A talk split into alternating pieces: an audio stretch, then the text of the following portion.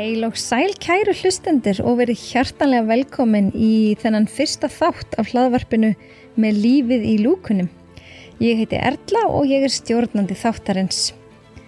Ég er íþróttafræðingur og hilsumarkþjálfi og ég hef brennandi áhuga á því að fræða og hafa jákvæð áhrif á hilsu þjóðarinnar. Ég er reyndar einni kennari í mentarskólanum við Hamrallíð, kenni þar íþróttir. Ég er ungbarnasund kennari og næringaþjálfi. Ég er með heimasíðan að hilsuerla.is og hef þar verið með blogg síðan árið 2020 og markmið með pislunum þar er einfallega að hafa jákvæð áhrif á hilsu landans. Þar eru til dæmis nokkur viðtöl eða svo kallar hilsumólar við einstaklingar sem að mér finnast vera alveg ótrúlega góðar fyrirmyndir. En þar sem að mig grunar að lang flestir í dag kjósi að hlusta frekar hann að lesa þá ákvæði bara stökkutjúbulegina og láta þessa hugmynd sem ég er búin að ganga með lengi um hlaðvarp að verða að veruleika. Eh, hlaðvarpið heitir eftir fyrirlestri sem ég hef haldið við um land á síðustu árum með lífið í lúkunum og skýrskotar í það að þegar upp er staðið þá eru það við sem berum ábyrð á eigin hilsu en engin annar. En hvað er framöndan? E, á næstu vikum, mánuðum og vonandi árum mun ég fá til mín í skemmtilegt spjall sérfræðinga úr ýmsum áttum sem hafa þekkingu á fjölbreyttum sviðum sem hafa áhrif á helsun okkar og einnig fólk sem hefur á einnig annan hátt haft í jákvæð áhrif á samfærðafólk sitt. Markmiðið er að skapa rými fyrir einlagt og opið spjall til þess að kynast sem fjölbreyttistum leiðum til þess að huga að helsuðan okkar. Til dæmis varðandi geðhelsu, líkamlega helsu, mataræði, svepp, ratthelsu, tannhelsu, fjárhagslega helsu, sköpunargleði, breytingaskeið, kynhelbreyði, líkamsmöðutund og margt, margt fleira. Þættirnir verða svona um það beil 30-60 mínútur og það er því tilvalið að nýta tíman á meðan þið hlustið og slá tvær flugur í einu höggi með því að fara til dæmis út í göngutúr, út að skokka eða á meðan þið sinnið heimilistöru. Ég elska nefnilega svona multitasking. Áhuga sem ég geta einnig fyllt mér á uh, helsuerlu á Instagram. En mér langar svona aðeins að segja ykkur frá því hvernig þetta byrjaði allt saman hjá mér og af hverju ég er hérna með, af hverju mér langar svona að byrja með þetta hlaðvarp. En þjálfun og kennsla og helsutengt málefni hafa alltaf verið mér mjög hugleikin og svona hálgert rauði þráðurinn í mínu lífi. Mér finnst nefnilega fátt meira gefandi en að aðstóða, fræða og hvetja fólk áfram þegar kemur að því að bæta einhelsu og auka almenna velíðan og lífsgæði. Ég stopnaði því helsuerlu, helsumarkþjálfun og ráðgjöf árið 2020 með það markmið að ebla fleiri til þess að huga að helsunni sinni heldrænt og ná langvarandi árangri. Ekki bara einhverja skindilusnir eins og við erum svo oft gjörn að gera. En lífið er nú alls konar og öll þurfum við að takast á við mismönda erfileika og áföll. Við þurfum að sinna heimili, vinnu og fjölskyldu og það getur oft verið svolítið erfitt að finna jafnvægi á milli þess að sinna þessum dælu skildum okkar og að gefa okkur tíma til þess að rækta okkur sjálf og eigin helsu. Mín helsuvakning, hún var svona fyrir alvöru uh, því ég hafði unni sem flugfrið í fimm ár. Þá var ég vaktavinni í fyrsta sinn og ég var nýmist á nóttunni eða daginn og svaf og borðaði mjög óreglulega sem var eitthvað nýtt fyrir mér. E, ég fór þá að eftir nokkur ár að finna fyrir heilsuleysi. Ég fór að finna fyrir síþreitu og ég þráði bara svona eitthvað jafnvægi í líf mitt og rútínu. Ég er ekki svolítið rútínu kona. E, ég uppliði þá tókstreitu á milli engalífsins og vinnu og mér fannst einhvern veginn eins og ég gæti ekki sint fjölskyldinu og sjálfur mér eins og ég vildi og þó að þessi vinna hafi verið alveg ótrúlega skemmtileg og ég öðlaðist ómetanlega reynslu og kynntist alveg dásanlegum vinum og vinkonum þá fann ég hins vegar að umgjör starfsins hendaði mér einfallega bara ekki. Ég áttaði mig á því eh, hvaða er sem skipti mig mestu máli í lífinu en það er einfallega fjölskyldan mín og heilsan. Ég er mjög þakklátt fyrir þessa eh, lífsreynslu því að hún var til þess að ég setti heilsuna mín í fyrsta sæti. Ég var svolítið gjörna því að vera alltaf aðstofa alla aðra eh, en þarna, einhvern veginn, fekk ég bara svona sparkera sinn og, og setti mig í fyrsta sæti. E, þetta var líka hvaðin e, að því að ég hóf nám í heilsumarkþjálfun og sem hefur nú leitt mig á þann stað sem ég er í dag hraustari, hamingjusamari og hugurakari. Eins og þeir sem hafa fyllt mér á blogginu eða Instagram vita þá reynir ég að vera mjög einlag og opinská um allt sem að tengist helsutengdu málum og ég er svo ótrúlega þakklátt fyrir það að hérna fá bara að upplifa að ég sé ekki eini heiminum sem er að glýma við einhverja erfileika af og til og því finnst mér svo mikilvægt að sko að geta verið filterslaus og verið þannig góð fyrirmynd og haft í ákvað áhrif á helsu annara með því að sína bara raunveruleikan því við erum öll að díla við eitthvað. En þá er komið að stóru spurningunni sem er ekki auðvilt að svara en það er hvað er helsa? Við munum líklega frá mörg mjög ólíks för við þessari spurningu í komandi hlaðvarpstáttum en skilgreining alþjóða heilbreyðistofnunar eða hú hún er svo að helsa er algjör líkamleg, andleg og félagsleg velíðan en ekki einungis það að vera laus við sjúkdóma eða örorku. Hefur þú einhvern veginn velt fyrir þér hvernig þú skilgreinur helsu? Skilgreinur helsu kannski öðrufs í dag en þú gerðir fyrir nokkrum árum?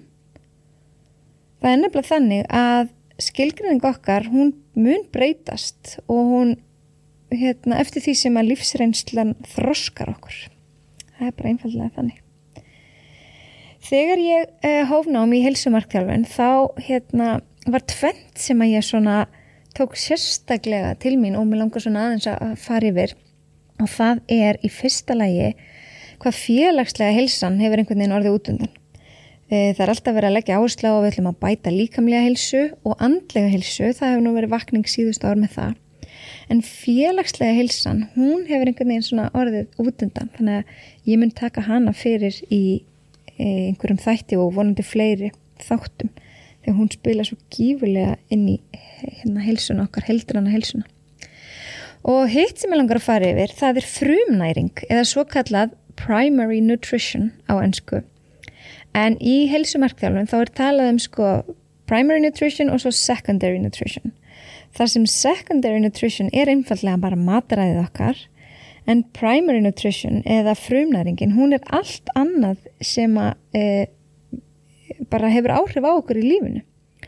Og það er nefnilega ekkert nóg að borða bara eintamar gullrötur og grænkál ef allar að vera við goða helsu heldur þurfu að finna jafnvægi og huga að þessari frumnæringu. Og það er til dæmis samskipti okkar við aðra atvinnan, reyfing andlegt jafnvægi og fleira. Og það er nefnilega bara mjög mikilvægt að staldra reglulega við og endur skoða, endur skoða þetta. Við vanmetum nefnilega oft þessa þætti og við teljum það ekki til næringar og við veitum því sjálfast aðtegli hvernig okkur líður eða það er mín reynsla allavega. Það er ekki fyrir að það kemur eitthvað fyrir að við bara stöldrum við. En ef við viljum bæta helsuna þá þurfum við að skoða alla þætti sem hafa áhrif á hana og meta hvar við erum í ójabæi. Það er nefnilega oftast þannig að ef við erum í ójabægi á einu sviði þá smitir það einfallega yfir á annað og okkur líður bara ekki vel andlega og líkamlega. Þú kannski þekkir það til dæmis að, að eh, ef eitthvað gengur á afturfótunum í, í persónulega lífunu, hvort sem það er samband við eitthvað ástarsamband eða erfileikar í vinnunni, eitthvað svo leiðis, að þá huggar maður sig oft með óhaldum mat, vímöfnum eða öðru sem hefur neikvað áhrif á helsuna. En með því að sinna þessum þáttum og finna í raun og veru orsök vandans e, og finna raunverulega hvaða er sem er að hafa neikvæð áhrif á helsun okkar, þá finnum við smám saman jafnvægi á öllum vikstöðum. En þó að frumnæringin sé langt mikilvægast, þá er að sjálfstöðu líka mikilvægt að velja góða næringu á diskin okkar. Og við munum fá einhvern góðan e, til þess að ræðum það við okkur fljóðlega. Verum raunsæ kröfur samfélagsins eru miklar. Við höfum að sofa nóg, við höfum að borða hold, við höfum að fara út að hlaupa, lifta lóðum, stunda sjósun, drekka vatn, hugsa jákvægt, fara í kalda styrtu, stunda þakklæti, sinna vinnu, sinna fjölskyldu, sinna heimili, elda mat, hugsa um okkur sjálf, anda með nefnu, vera skipalögð, hitta vini, mæti sögjum að klúpa fóreldrafundi, skuttla, sækja, þrýfa og svo mæti endalist telja. En svo er spurningin, er þetta okkar eigin kröfur eða eru þetta kröfur samfélagsins? Við þurfum nefnilega að stoppa og líta til begja hliða áður við örkum út í daginn og muna að helsa hún snýst um að finna sitt jafnvægi, bæði líkamlega, andlega og félagslega. Það er nefnilega ekki raunhæft að ætla að gera allt af því sem ég var að telja upp. Eh, við verðum að vera raunsæ og velja það sem gefur okkur orku en ekki það sem tekur frá okkur. Ef við viljum bæta helsuna þá þurfum við að hafa eftirfærandi atrið í huga að halda góðri helsu það er krefjandi og að breyta vennjum það tekur tíma. Það breytist ekki alltaf einni nóttu. Það er líka mikilvægt að einbjöta sér bara að einu atrið í einu ef við ætlum að breyta einhverju.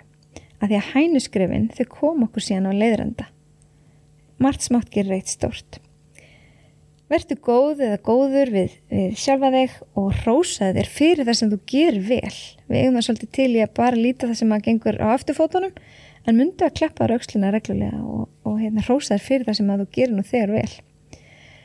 Svo er eina mínum uppáhaldsetningum lærði að meta framfarir umfram fullkomnun og gerður ráð fyrir hindrunum á leiðinni. Heilsa er ferðalag, ekki áfangastadur. Og mig grunar að mörg ykkar hafa á einhverjum tímapunkti fyllt einhverjum tískubilgjum í mataræði eða reyfingu eða einhverju öðru heilsutengdu Hver hefur ekki tekið þátt í einhverju matræðis áskorun, síkulusum september, sexvirkna átagsnámskið í rættinni, fymtega reynsun eða ananaskurnum eða hvað þetta nú heitir. Og ég er ekki að segja þessi atriði séu gagslaus, alls ekki. Sum þeirra geta verið frábær leið bara til þess að rinda breytingum á stað og verið hvetjandi. En fyrir mér er heilsa svo miklu meira en nokkru, nokkura vikna tískubilgja. Heilsa er nefnilega ferðalag og helsuferðalega okkar snýstum að gera smám saman breytingar á lífstilnum okkar.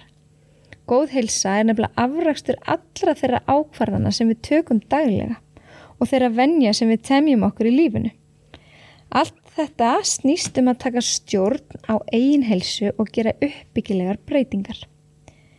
Helsuferðalag hversu eins er einstakt og það er mikilvægt að njóta ferðalagsins en ekki flýta sér á einhvern ímyndaðan áfangastað með skyndilausnum.